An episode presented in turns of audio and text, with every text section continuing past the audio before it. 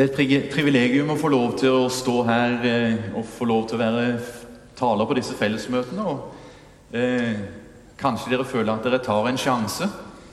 Eh, og det gjør dere jo. Eh, det er ikke så veldig mange i Kristiansand som, som kjenner meg. Eh, noen gjør det. Eh, på Frelsesarmeen gjør de det. Men ellers så har jeg ferdes en del i økumeniske kretser, sånn at noen vet hva de får når de får eh, besøk av, av, meg. Det vet dere ikke.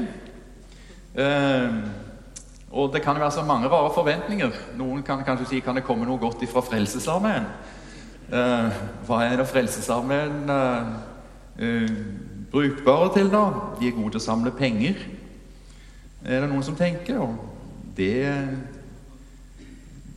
ja, jeg lurer i grunnen på hvorfor vi er det. For det, at, eh, det er ofte vi ikke tenker på å samle penger sjøl. Jeg har jo vært på friluftsmøte og skulle tenkt at nå skal vi ikke ta med oss kollektboksen engang, sånn at folk ikke tror at vi bare samler penger.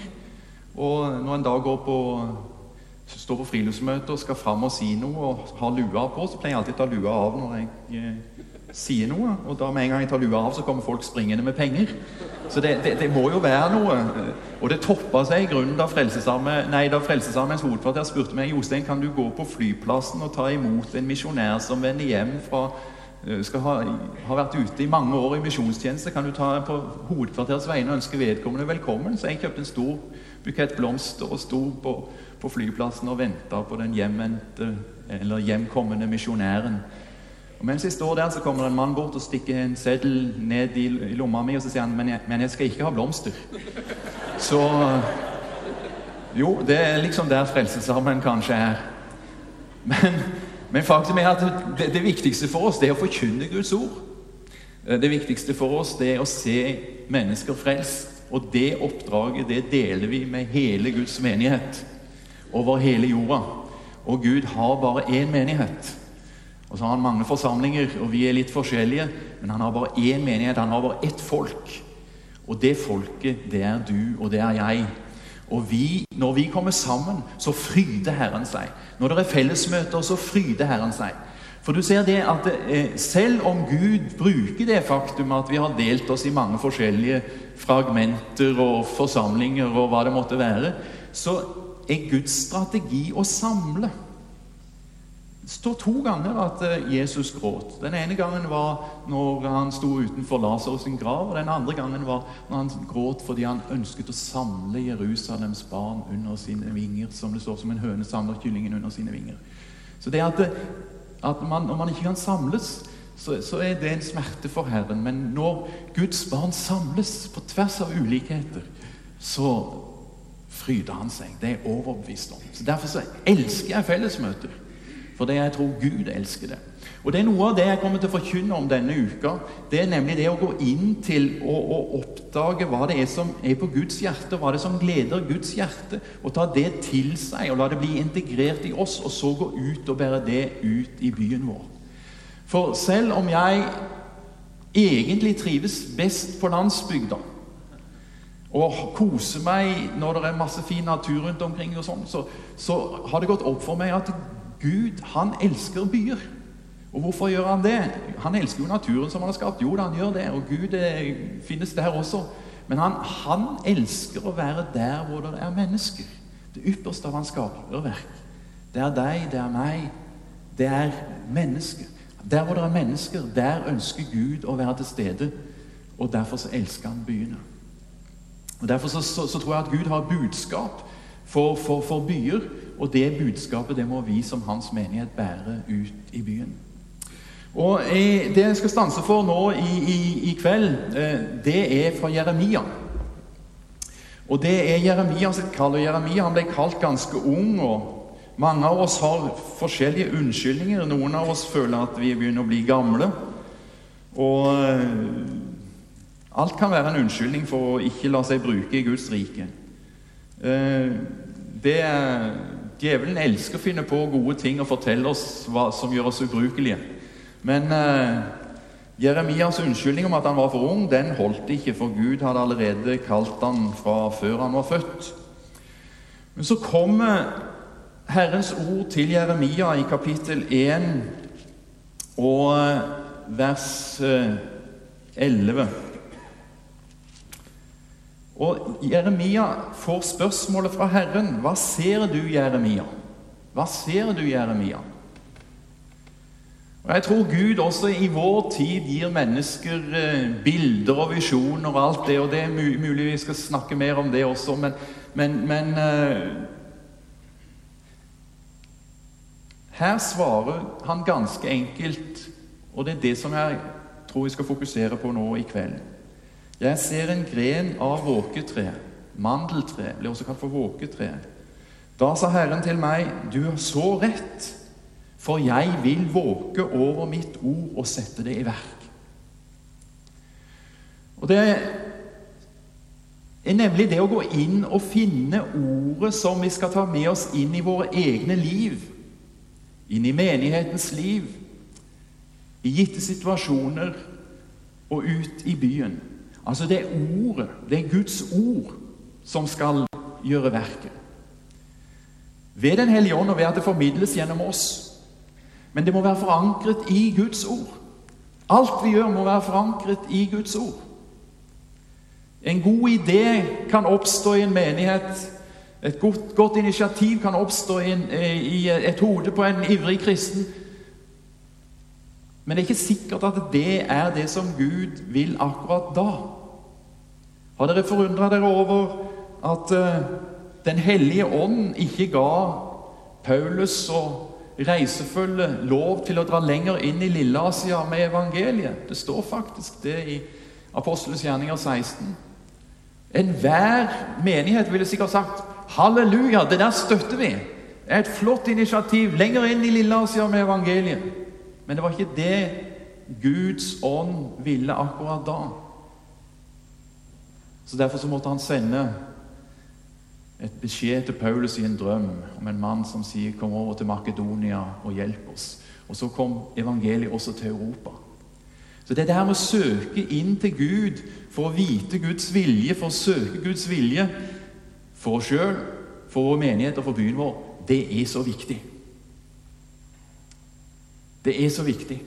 Og det å bli ledet av Gud, det er en fantastisk eh, opplevelse. Det, er en fantastisk, det, kan bety eh, forsakelse, men det er der velsignelsen ligger.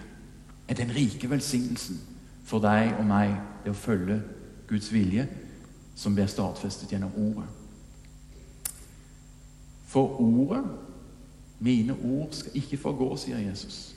Himmel og jord skal forgå, men ikke mine ord.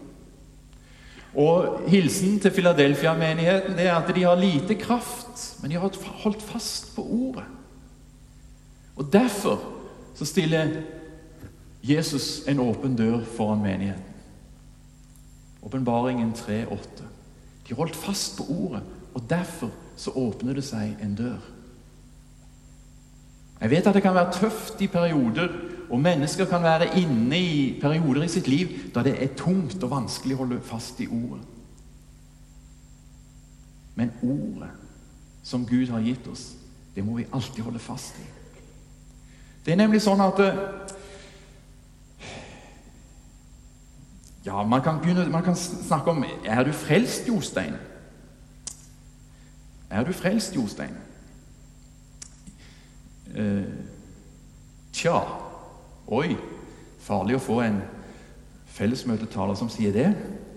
Men frelst er jo, jo egentlig ikke før jeg står foran Gud i evigheten. Jeg har tatt imot frelsen nå. Halleluja. Jeg har vissheten om frelsen nå. Men det kan komme dager da det stormer, og hvor kanskje følelsen ikke er så sterk om at jeg er frelst. Og man har kanskje gjort ting og sagt ting som gjør at man føler at det der hører ikke sammen med, med hva en frelst eller hellig, et hellig menneske burde sagt eller tenke og gjøre.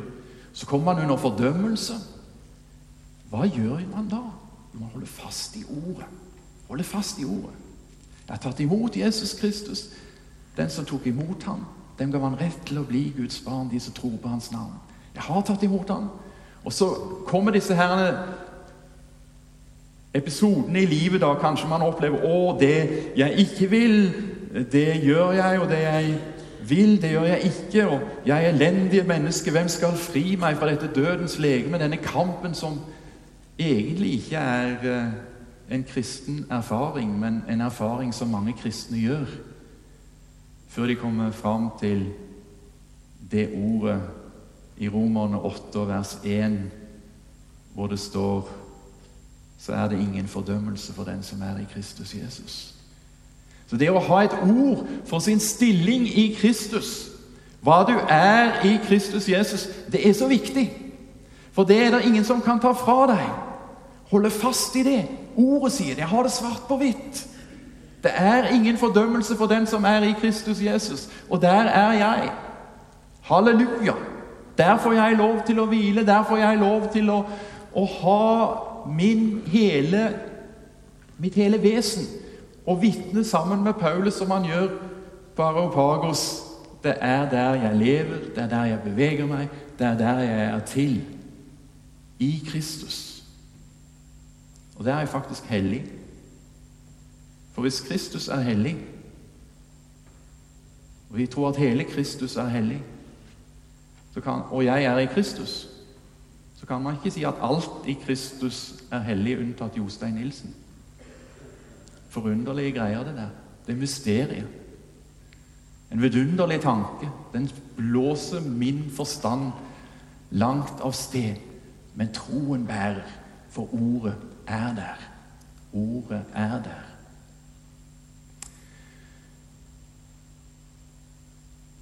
Og hva er det litt mer om dette ordet.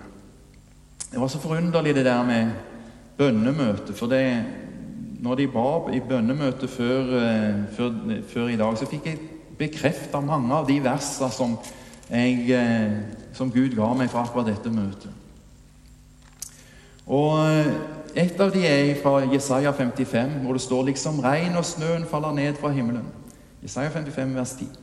Liksom regn og snøen faller ned fra himmelen og ikke vender tilbake dit før den har vannet jorden og gjort den fruktbar og latt det spire og gro på den, gitt sitt såkorn til den som skal så, og brød til den som skal spise.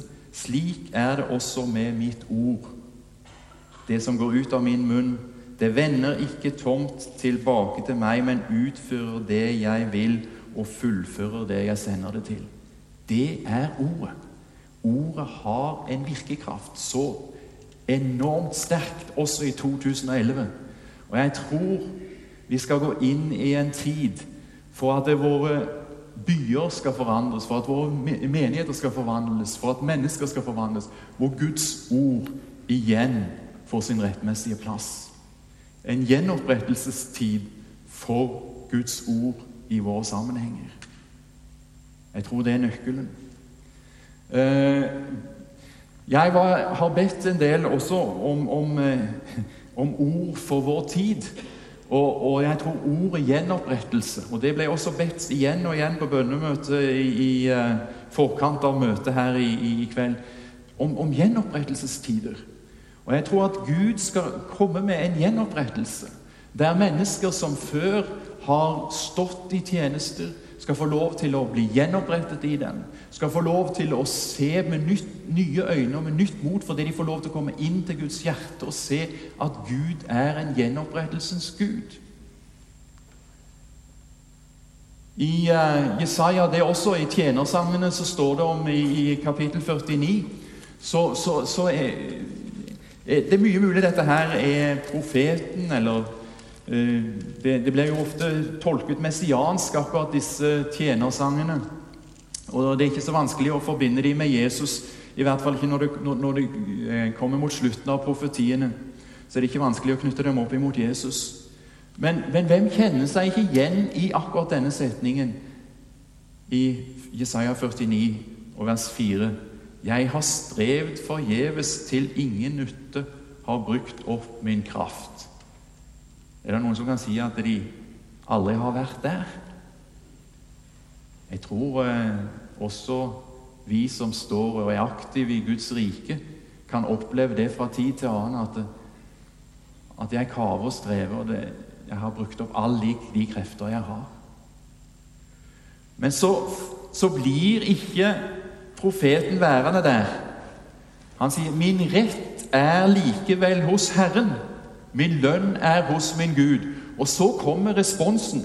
Og responsen er enormt sterk i, i det som uh, følger opp her. For det står det er ikke nok at du er med en tjener som skal reise opp igjen Jakobs stammer og føre de bevarte av Israel tilbake. Det er ikke nok at det, dette med, med gjenopprettelse. Men det er en del av det. Jeg skal gjøre det til et lys for folkeslag, så min frelse kan nå til jordens ende. Det kan du og jeg være med på i Kristus Jesus. Så i en tid med gjenopprettelse så vil Gud gjøre disse undrene. Og disse undrene de kan skje i vår tid også. Jeg kommer til å bruke en del eksempler fra mitt eget liv i løpet av denne uka. Eh, og det er ikke for å herliggjøre meg på noen som helst måte. Det er for å herliggjøre Kristus. Men jeg tenker at det ord som forkynnes, hvis ikke det er relevant for meg i mitt liv, hvis ikke jeg har anvendt det i mitt liv, så blir det bare teori. Og det er nemlig sånn med, og, da, og teori blir fort religion. Og, og det som er med, med, med Guds ord det, og Guds rike og, og, det å få lov til å være en kristen, det er å, å, delta i et liv. Det er noe som lever. Det er noe som, som er noe langt mer enn å, å, være medlem av en eller annen ideologisk retning. Det er et liv. Og det er også mitt liv. Og Derfor henter jeg ofte eksempler fra, fra mitt eget liv. For det Gud har vært så rik mot meg eh, i, i, på så mange måter. Det betyr ikke at livet har vært uten sykdom, at det har vært uten tunge stunder. Det betyr ikke at det alltid har gått akkurat slik jeg trodde det kom til å gå. Det har vært tider da jeg har lurt på om det ordet jeg har holdt fast i, var feil ord å holde fast på i akkurat den perioden.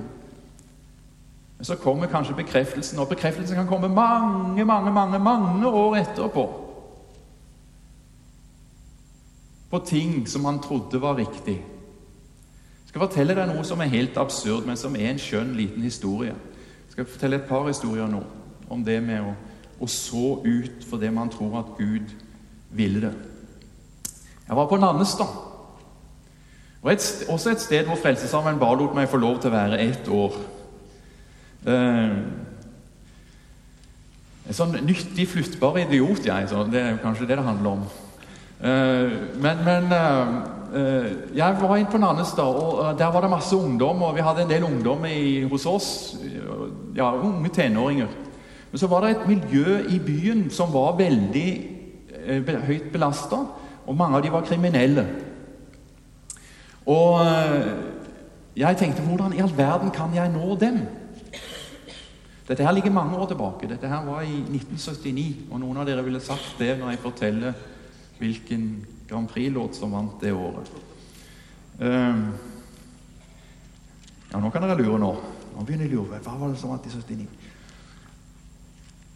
Så jeg gikk ut til dem, og så spurte jeg hva skal til for at dere skal komme til oss. Og så sa de det. Vi har lyst til å skyte. Det er ikke særlig intelligent av en ung, uerfaren pastor da å si Kom, så skal dere få skyte. Det var tross alt en kriminell gjeng. Men jeg, jeg, vi la an skytebane på Jeg hadde plattform.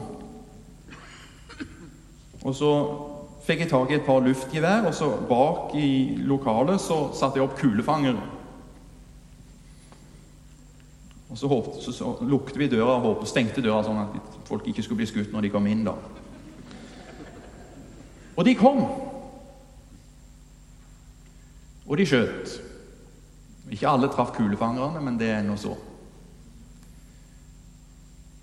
Og så vant Israel Grand Prix med halleluja. Og Så sier de kan ikke du skrive en tekst på den, Jostein? Så kan vi synge den, vi også. Så skrev jeg en norsk tekst og fikk inn masse evangelium også. Og de sang. Og så fikk vi farvel, som det heter så fint på Frelsesarmesk. Vi skulle reise et annet sted. Så kom det ingen etter oss. Jeg syns dette her var totalt forgjeves. Jeg syns dette her var så fortvila. De var jo underveis, disse ungdommene. Og Jeg husker jeg besøkte stedet et par år etterpå. så gikk jeg bort på veggen, og så kjente jeg kulemerkene etter de kulene som ikke hadde truffet kulefangerne. Og så tenkte jeg er dette alt som er igjen? For et drøyt år siden så talte jeg på en konferanse på Gullbrandagården i, i, i Halmstad i Sverige. Så kommer det en kar bort til meg og så sier han det at eh, jeg er fra, fra Frelsningsarmeen i Lidköping. Og så begynte han å fortelle. Vi tenkte vi skulle starte med noe rusarbeid hos oss. Men så var det en annen forsamling i, i, i staden som også drev med arbeid blant rusmisbrukere. Så hadde vi ikke lyst til å starte noe som kunne konkurrere så Vi tok kontakt med denne menigheten og sa kan vi jobbe sammen, eller i hvert fall sørge for at vi ikke har det samme programmet på de samme dagene. Og Så traff vi lederen for det arbeidet i den forsamlingen. Og så sier han hvor trivelig at det heter Frelsesarmeen åter. Min første introduksjon til Jesus Kristus det var en gæren offiser i Norge som lot meg få lov til å skyte med luftgevær i hans lokal. Noen måneder etterpå så fikk jeg venneforespørsel på Facebook. Så forteller han hvordan Jesus hadde vært med. Livet hadde vært tøft, men Jesus hadde vært der hele veien. Å gå på det som Gud leder en inn i, og vite og hvile i at det er forankret i Guds ord. Da kan vi nå ut i byen. Da kan vi nå mennesker. Et lite bilde til, for det er så fort gjort å gi opp. Særlig når barna våre kanskje ikke velger den samme vei. Eh, og kanskje når, når, når, man får barnebarn og man, man, man, man, uroer seg. Mine barn, de, eh, de har jeg med meg og jeg har bedt ordet, og det kan godt være det ordet er, er det som, eh, som, eh, mange ber. Og jeg tror kanskje de som jeg skal fortelle om nå, også tok sin tilflukt i dette. Eh, det er også Jesaja. Siste vers i vers 59. Dette er den pakt som jeg vil slutte med dem, sier Herren. Min ånd er over deg, og mine ord som jeg har lagt i din munn, skal aldri fra nå og til evig tid vike fra din munn og ikke fra dine barns eller barnebarns munn, sier Herren. Det ordet tar jeg til meg. Og Det er jo det som er så fantastisk med Guds ord. Vi har lov til å ta det til oss, og så har vi lov til å be dette Guds ordet. Sånn at når det stormer rundt, uh, rundt et av mine barn, og som det gjorde en, en lang periode, så ba jeg dette ordet. Jeg ba dette ordet. Og det tror jeg de gjorde, disse som jeg skal fortelle om noe som ved en tilfeldighet jeg kom borti i Moldova for tre år siden. Tilfeldigheten var sånn at eh, moren til den det gjaldt Hun var på et lite sted, og så hadde vi hatt gudstjeneste der, og så sier hun det at eh, Kan ikke dere reise innom på vei hjem? Der og der. Der treffer dere min mann og sønnen vår akkurat kommet ut etter fire år i fengsel. Han var ikke mer enn 18,5. Så kan man jo tenke hvordan det er å sitte i et moldovs fengsel fra man er 14,5. Det er tøft, det. Og Der kommer jeg inn, og så møter jeg Eddik. Jeg har bedt for han før, for jeg visste om at han var inne innenfor murene. Så begynner jeg å samtale med Edik om foreldrene som har bedt for han, som har holdt fast i Guds ord for han, for at han skal få lov til å bli frelst og gripe evangeliet. Så sier jeg du må holde fast i det som dine foreldre tror på. Tror du det, Edik? Ja, sier Edik. Og så får jeg be med han. Så hører jeg ikke hvordan det har gått med Edik. Så kommer jeg ned til Moldova for knappe halvannen måned siden, bare for en kort visitt. Og Så hører jeg om en ung mann som har satt inne i fengsel. Som er blitt herlig frelst, som har tatt opp en tjeneste med å gå i fengslene og besøke sine tidligere fengselskamerater for å fortelle dem hva Jesus kan gjøre for dem. Og så tenker jeg i mitt hjerte kan det være Edik? Klarer ikke å vente til vedkommende som forteller denne historien, som var i en møtesetting, kommer ned og setter seg ved siden av meg. Hvem er dette her? Hvem er dette her? Nei, Hun visste ikke helt hva, hva han het, og hvor han kom fra. Uh, så ja, men det må jeg finne ut. Og så er det Edik. Så tenker jeg, det, det er noen mennesker som har holdt fast i Guds ord og bedt for ham. Jeg tenker på foreldrene som hadde, hadde bedt for ham, og som ikke hadde gitt opp håpet i denne håpløse situasjonen. Sånn er det å holde fast på det som er Guds løfter for oss. Og Derfor så tror jeg at Gud trenger å komme til oss med et, et, et ord i oppmuntring for mennesker som sliter og strever, og som har holdt på lenge, som har holdt fast i Guds ord, og som er nær ved å gi opp.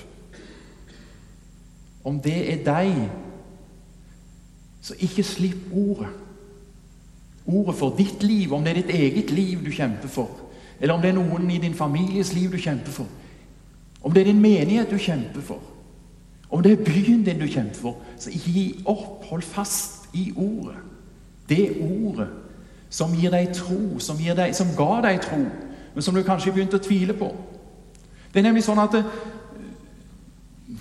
Hva er å tro? Å tro, det er å handle på det ordet som vi har. Tro er ikke nødvendigvis et mesterskap i å produsere mest mulig gode tanker eller følelser for et eller annet. Tro handler om lydighet i forhold til Guds ord. Jeg vet det fordi jeg har vokst opp med en far som ble frelst som 16-åring, og hvor frelsen opplevdes som å ta på seg en byrde. Han vitner om det. Fordi at han visste at når han tok imot Jesus Kristus og ble frelst, så betydde det at han måtte ut hjemmefra. Og han var bare 16 år. Men en far som var ødelagt av eh, seks-sju år ute uten at noen under krigen som, som krigsseiler uh, var ødelagt av det. Hadde ingen forståelse for religiøst føleri. Heldigvis fikk min far lede min farfar til Gud rett før han ble henta hjem. Men det er en annen historie. Men min far tok imot Jesus Kristus som 16-åring og opplevde ingenting annet enn skuffelse. Og kanskje noen som har den erfaringen også. Men så var det noen som hadde gitt ham noen ord. Hvis du med din munn, hvis du med ditt hjerte tror, med din munn bekjenner, så skal du bli frelst. Han tenkte jeg må bekjenne dette her. Og det gikk noen uker før han fikk anledning til å bekjenne, så var han på et vitnemøte. Men det var et vitnemøte i en tid da det var mye som skjedde. Det var masse vekkelse, og det var masse vitnesbyrd. Og det er noe av det som kjennetegner vekkelse. Vi ønsker, om vi ønsker vekkelse, så må vi begynne å fortelle om det Gud gjør nå. Og det må vi som lever i Kristus, fortelle om. Det må være ferskt, det må være noe nytt, det må være noe som er ekte, det må være noe som er troverdig, noe som skjer i dag. Det er deilig med det som skjedde 30 år, for 30 år siden, men det må være noe aktuelt, noe som gjelder meg nå. Og, og det skjer i vekkelsestider. Men det skjer også når det ikke er vekkelsestider, for Gud virker hele veien. Så jeg tror alle burde ha noe å vitne om. Nå skal vi ikke starte et vitnemøte, for da trekker det for langt ut her. Men, men min far han prøvde å reise seg, han. For man måtte jo reise seg når man skulle vitne. Og det var alltid noen som var før han. Og Nesten som mannen ved, ved, dammen som rørte seg opp når en engel kom ned. og Han kom aldri fram, for det var alltid noen som kom før han. Og Min far prøvde å reise seg tre-fire ganger uten å lykkes. Og så skulle de jo selvfølgelig fortsette møtet. Så min far satt der skuffa. Ikke i kveld. Nei vel, kanskje det ikke skal være sånn.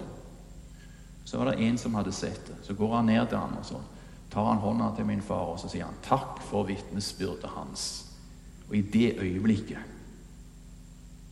I det øyeblikket, sier min far, så kom vissheten som aldri har sluppet meg siden. Og en For en som måtte gå på møter og høre sin far preike fra han var fra jeg var så stor, og som også huska hva min far preika om. Sånn at når min far spurte meg når han var ute på en hadde på en Kristi himmelfartsdag hadde fire møter på en dag, så vil du være, være, være utafor og leke på det siste møtet, Jostein, eller vil du være med inn? Så sier jeg ja, jeg kan godt være med inn, men da må du ta en ny tale. For da hadde han holdt den samme talen på forskjellige steder hele, hele dagen igjennom. Eh, så jeg fulgte med. Og jeg har hørt dette, så jeg vet at ordet, at ordet er så viktig. For det han gjorde, det var det at i sitt hjerte tvilte han jo på om det virkelig hadde skjedd noe. For han kjente jo ingenting. Men han holdt fast i ordet. Hvis du med hjertet tror, så du er rettferdig for Gud, og med munnen bekjenner, så blir du frelst. Så, så, han holdt fast i det. Jeg har gjort det sjøl. Det har ikke vært fnugg av tro i mitt liv for å si det sånn, når det, gjelder at, at ting faktisk skulle skje. Men fordi at en har handla på ordet. For ti år siden så kom det ei dame inn. det var jule, Vi sang jula inn i, eh, i tempelet i Oslo. Masse folk i, i, på møte.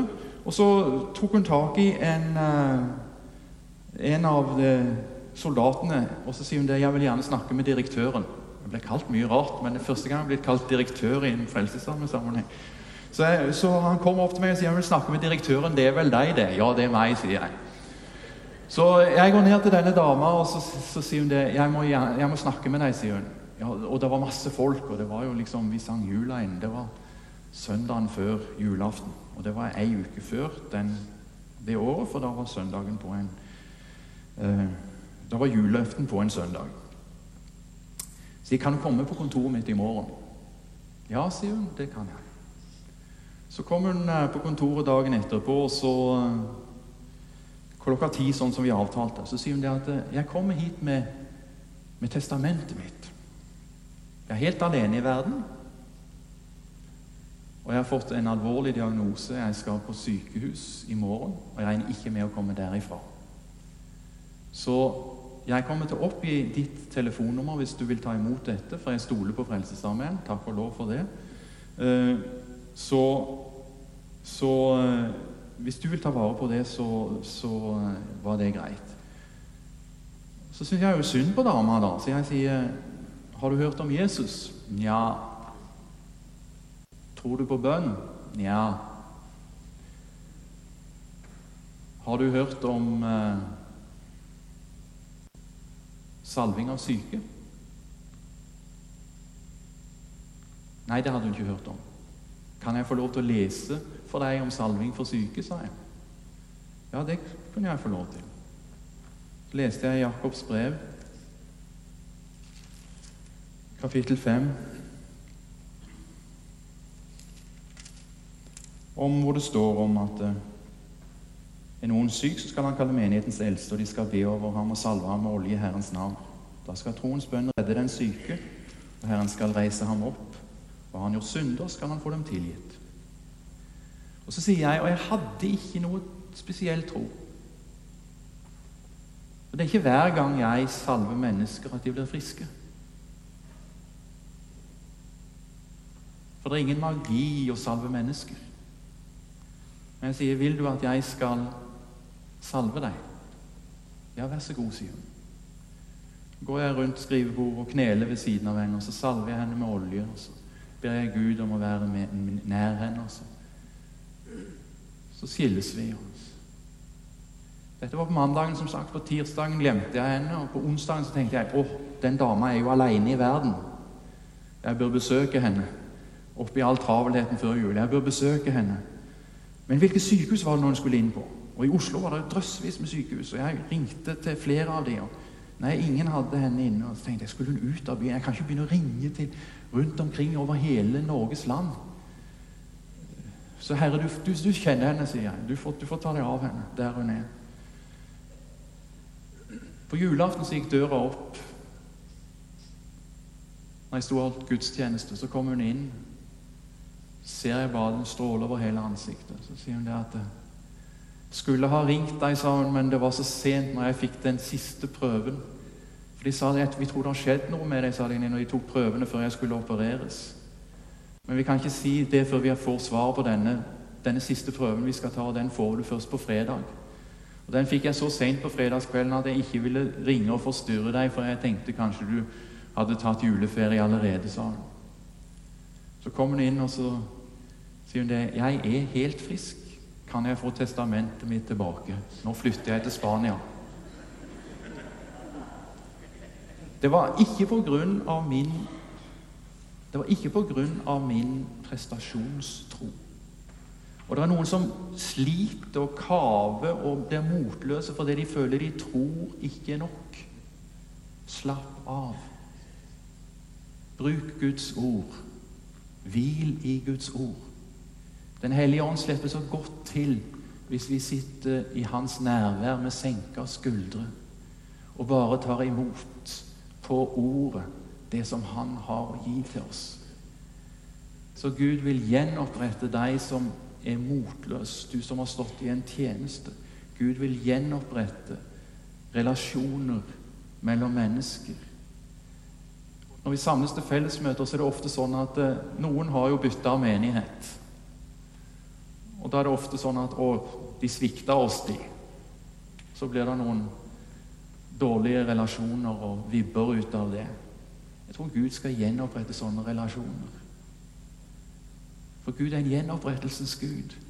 Gud er en enhetens Gud.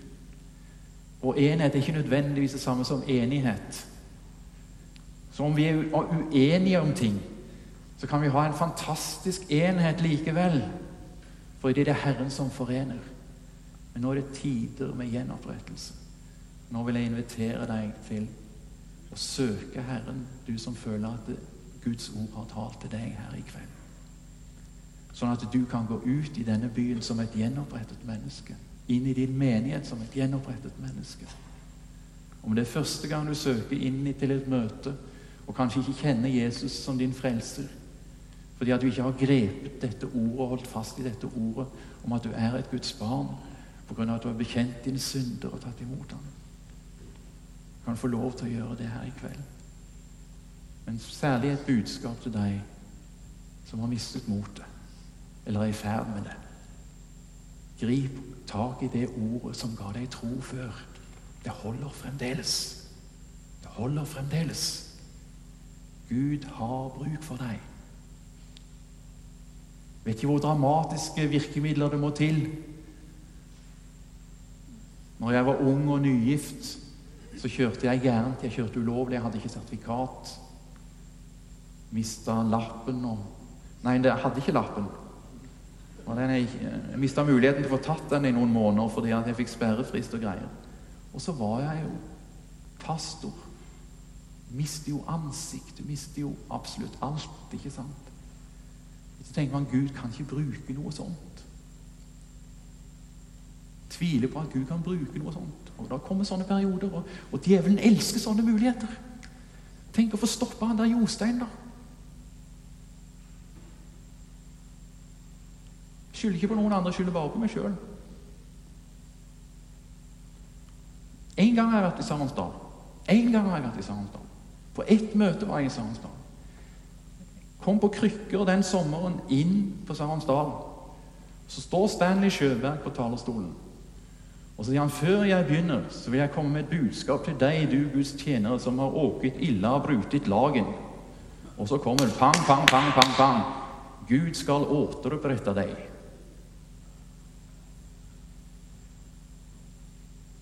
Gud er gjenopprettelsens Gud. Jeg tror det. Opplevd så mange ganger i mitt eget liv. Det er et budskap til deg, skal vi be. Far i himmelen, vi takker deg for det at du ønsker gjenopprettelse for ditt folk. Du ønsker gjenopprettelse for de som sitter i benkeradene, som føler seg motløse. De som har eh, møtt veggen, som kanskje har stått på i årevis. De som er motløse fordi at eh, de klarer ikke å holde fast og tro at du kan gjøre noe for de som står nær dem. Jeg ber om at du skal gi dem nytt mot i denne stund. Jeg ber om at du skal komme til denne byen med, med vekkelse. Det at din ånd skal forvandle denne byen slik at det blir en, en åndelig oase. Jeg ber om det, far, for du har mye folk i denne byen. Du har mye folk i din menighet i denne byen. Også masse mennesker som ikke går i noen forsamling. Jeg ber om at du skal samle dine folk, slik at det, at det blir en enhet, og at man kan bygge sammen ditt rike på dette sted, sånn at det kan gjenopprettes et land, et kristent land, som ivaretar den arv vi har, far.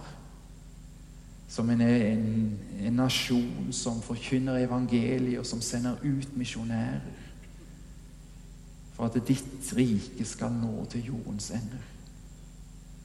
Men det begynner med meg. Det begynner i mitt hjem. Det fortsetter i min menighet, og så går det ut i byen. Og vi trenger deg til å gjøre det, far. Så kom nå, det ber vi om. Gjest oss nå med Din Hellige Ånd. Og la oss få lov til å ta imot det du vil gi og gjøre for oss. I Jesu navn. I Jesu navn. Jeg skal be lovsangerne om å komme, så skal vi synge en sang. Mens den synges, så skal du få lov til å komme. Og Janne kommer og overtar og leder inn i et ettermøte. Og du som sitter ved radioapparatene, du kan også ta imot Jesus og ta imot ordet der du sitter.